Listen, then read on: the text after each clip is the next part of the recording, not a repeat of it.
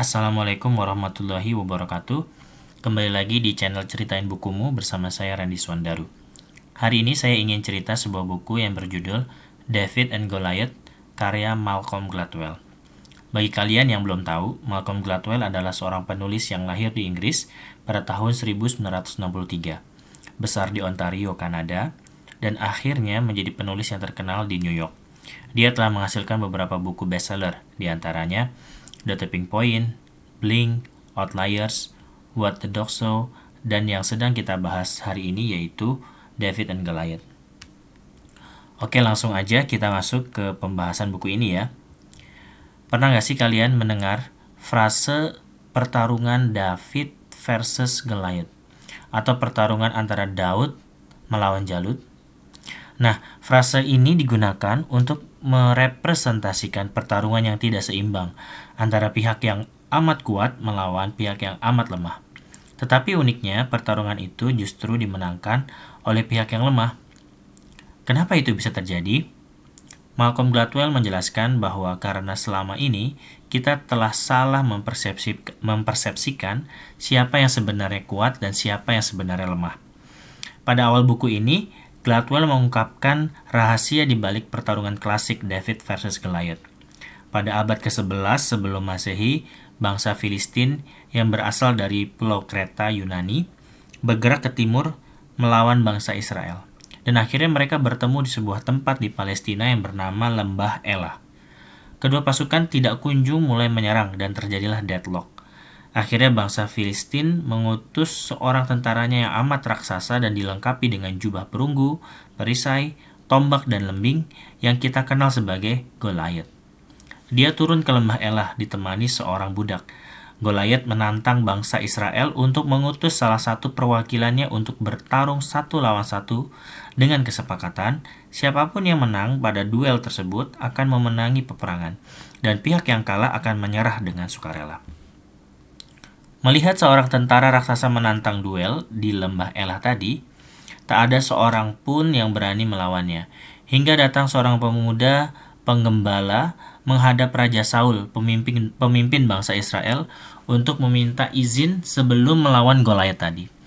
Pemuda penggembala inilah yang kita kenal sebagai David. Dia turun ke lembah Elah dengan membawa ketapel atau slingshot dengan dilengkapi dengan lima buah batu di dalam tasnya. Kisah berikutnya adalah sejarah. David melempar batu dengan ketapelnya tadi dan akhirnya mengenai jidat si Goliath tadi. Goliath terjatuh dan tumbang. David mendekat, mengambil pedang Goliath dan akhirnya memenggal leher Goliath. Mengapa David bisa mengalahkan Goliath tadi? Malcolm Gladwell berargumentasi karena kita selama ini telah salah mempersepsikan David sebagai selemah dan Goliath sebagai si kuat. Faktanya yang pertama, David bukanlah si lemah.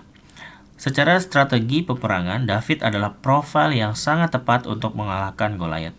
Dalam teknik peperangan terdapat tiga jenis tentara yaitu infanteri, kavaleri, dan artileri. Ketiga jenis tentara ini dapat mengalahkan satu sama lain. Tentara infanteri adalah tentara darat dengan pertarungan jarak dekat. Kavaleri adalah tentara dengan kuda dan kereta perang. Sedangkan artileri adalah tentara jarak jauh dengan persenjataan jarak jauh. Dengan tombak panjang dan zirah, infanteri bisa mengalahkan kavaleri. Kavaleri bisa mengalahkan artileri karena kuda terlalu cepat untuk dibidik. Sedangkan prajurit artileri bisa mengalahkan prajurit infanteri karena mereka yang dibebani zirah menjadi sasaran empuk bagi para pelontar batu artileri. Dalam konteks ini, jelas David sebagai sosok artileri merupakan profil yang tepat untuk mengalahkan tentara infanteri seperti halnya Goliath ini. Sebagai catatan, David adalah sosok penembak jitu jarak jauh yang telah melatih kemampuannya itu dalam tugas kesehariannya sebagai seorang penggembala. Dia terbiasa menghalau serigala yang hendak memakan dombanya dengan ketapel dan batu. Di dalam buku ini juga dikatakan bahwa kecepatan batu yang terlontar dari ketapel David tadi bisa mencapai kecepatan 34 meter per detik. Tuh, cepet banget kan? Coba bayangin. Nah, yang kedua, kita salah mempersepsikan bahwa ternyata Goliath bukanlah si kuat. Goliath mengidap tumor pada kelenjar pituitarinya yang menyebabkan dia tumbuh besar seperti itu. Pada sisi lain, gangguan kesehatan ini membuat pandangannya menjadi rabun. Itulah mengapa dia ditemani seorang budak saat menuruni lembah Elah tadi. Jadi, Goliath adalah tentara infanteri petarung jarak dekat dengan jubah zirah yang amat berat menghadapi seorang David yang merupakan penembak jitu dengan pistol kaliber 45 mm dengan kecepatan peluru yang mencapai 34 meter per detik. Jelaslah sudah mengapa pertarungan ini dimenangkan oleh David. Nah, di buku ini diceritakan berbagai cerita lain yang serupa seperti itu. Yang pertama seperti kisah Vivek Ranadive, seorang pelatih bola basket yang memimpin tim amatir yang tidak bisa bermain basket, tapi akhirnya bisa masuk ke National League Basketball di Amerika dengan teknik full court press. Gimana sih teknik full court press ini? Nah, temuin sendiri di bukunya. Ada lagi cerita lain mengenai efek kelas kecil melawan efek kelas besar dalam dunia pendidikan. Kita selalu berpikir kelas yang kecil lebih baik daripada kelas yang besar bagi perkembangan siswa. Padahal belum tentu seperti itu loh. Ada lagi kisah mengenai sulitnya parenting atau menjadi orang tua saat kita terlalu miskin atau kita terlalu kaya. Keduanya sama-sama sulit. Yang menarik buat, buat, buat saya adalah di buku ini kisah mengenai small pond big fish atau big pond small fish. Kita menjadi ikan yang besar pada kolam yang kecil atau kita menjadi ikan yang kecil pada kolam yang besar.